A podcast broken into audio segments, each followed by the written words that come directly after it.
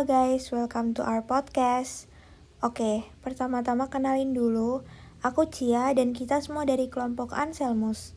Di kesempatan ini, kita bakal omongin tentang pendidikan di era Society 5.0.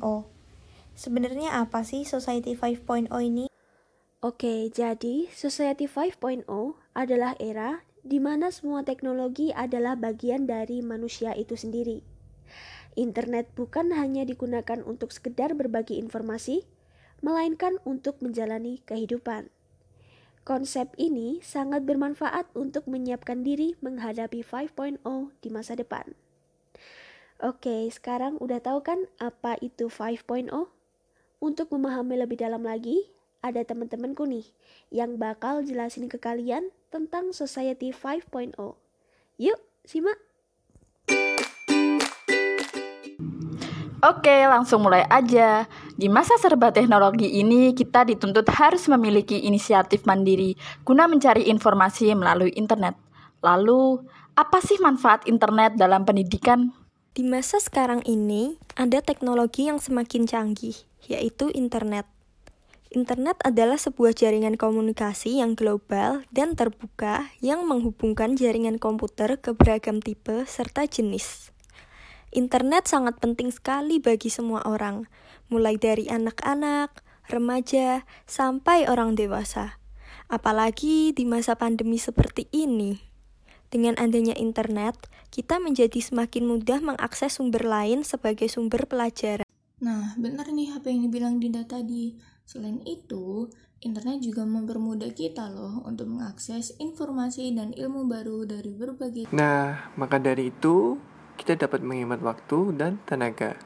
Lalu di poin selanjutnya, kenapa pendidikan di era Society 5.0 ini bisa dikatakan memiliki nilai fleksibilitas yang tinggi? Karena uh, kita dapat mengakses hal-hal yang berhubungan dengan pembelajaran itu kapan pun dan di mana pun.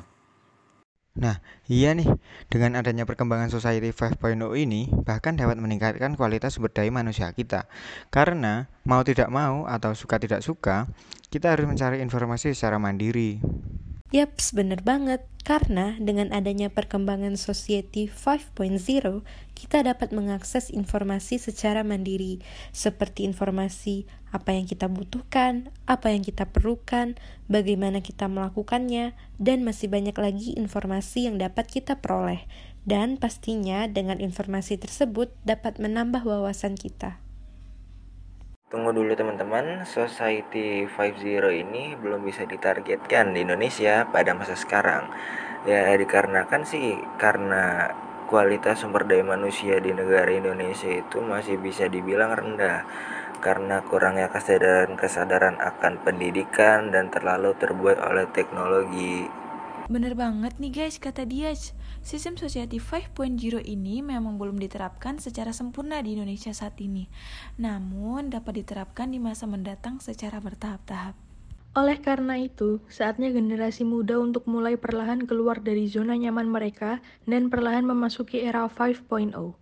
Era 5.0 yang nantinya akan menciptakan Indonesia semakin maju bukan hanya di sektor pendidikan saja, melainkan dapat merembes ke berbagai sektor lainnya seperti meningkatnya sumber daya manusia akan meningkatkan nilai ekonomi Indonesia lalu kesenjangan dapat menurun maka semakin kokohnya kebijakan pemerintah. Dan masih banyak lagi. Dan semua itu harus berawal dari diri kita sendiri. Nah bener banget nih teman-teman. Kita sebagai penerus bangsa ini harus bisa menjadikan negara tercinta kita ini negara Indonesia kita ini menjadi negara yang maju dan berkembang. Tentunya tidak mudah untuk menjadikan negara yang maju dan negara berkembang.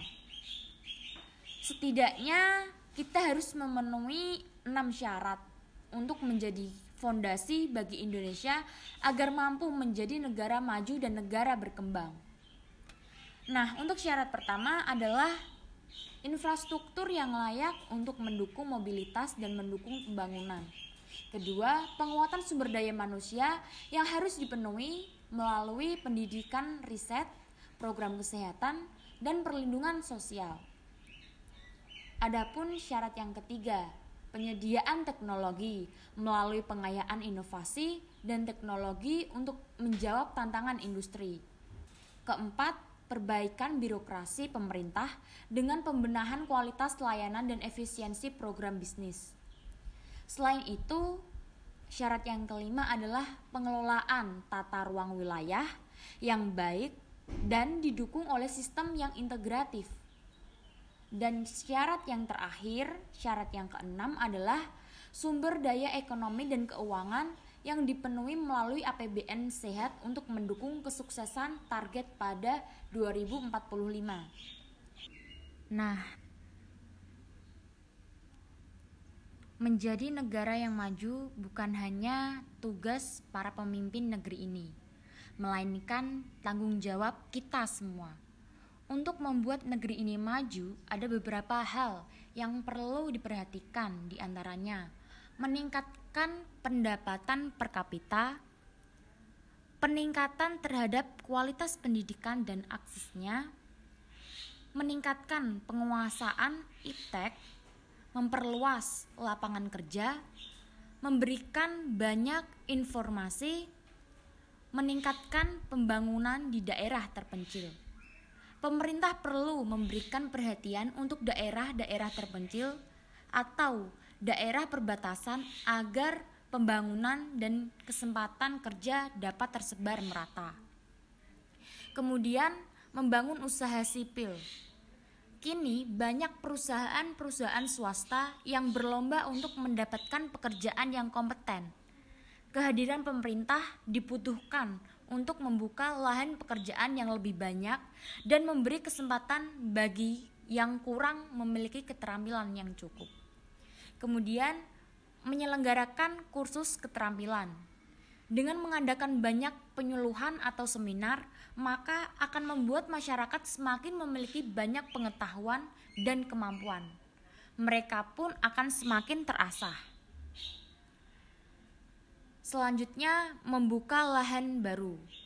Membuka lahan-lahan baru di perdesaan, kemudian menganjurkan penduduk kota untuk melakukan transmigrasi atau perpindahan penduduk dari daerah yang padat ke daerah jarang penduduk atau ruralisasi perpindahan dari kota ke desa. Hal ini dapat meningkatkan kesempatan kerja bagi masyarakat di pedesaan tanpa harus mengadu nasib ke kota. Untuk itu, kita harus saling bersatu, saling melengkapi agar kita bisa mewujudkan semua itu. Kalau bukan kita, siapa lagi? Kalau bukan sekarang, kapan lagi?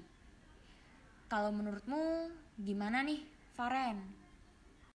Dan bukankah itu semua yang kita impikan?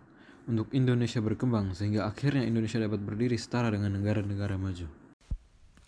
Nah, itu tadi penjelasan dari anggota-anggota kelompok Anselmus. Um, pasti kalian udah lebih paham banget kan tentang pendidikan di era Society 5.0. Jadi, untuk kesimpulan podcast kali ini yang bertemakan pendidikan di era Society 5.0 adalah dengan sadar atau tidaknya kita, sebenarnya kita sudah mulai beradaptasi dengan era Society 5.0 selama satu tahun lebih akibat dari pandemi COVID-19. Kita ambil contoh aja ya, seperti Sekolah yang dilakukan secara daring, semua menggunakan internet, semua menggunakan gadget atau apa pun itu untuk mencari informasi yang ada. Dengan begitu, seiring berjalannya waktu, kita bisa lebih siap untuk menghadapi era Society 5.0 ini di masa yang akan datang. Oleh karena itu, untuk menghadapi pendidikan di era Society 5.0 ini kita harus berpikir lebih maju dengan memanfaatkan teknologi yang ada dan jangan sampai kita salah menggunakannya ya guys.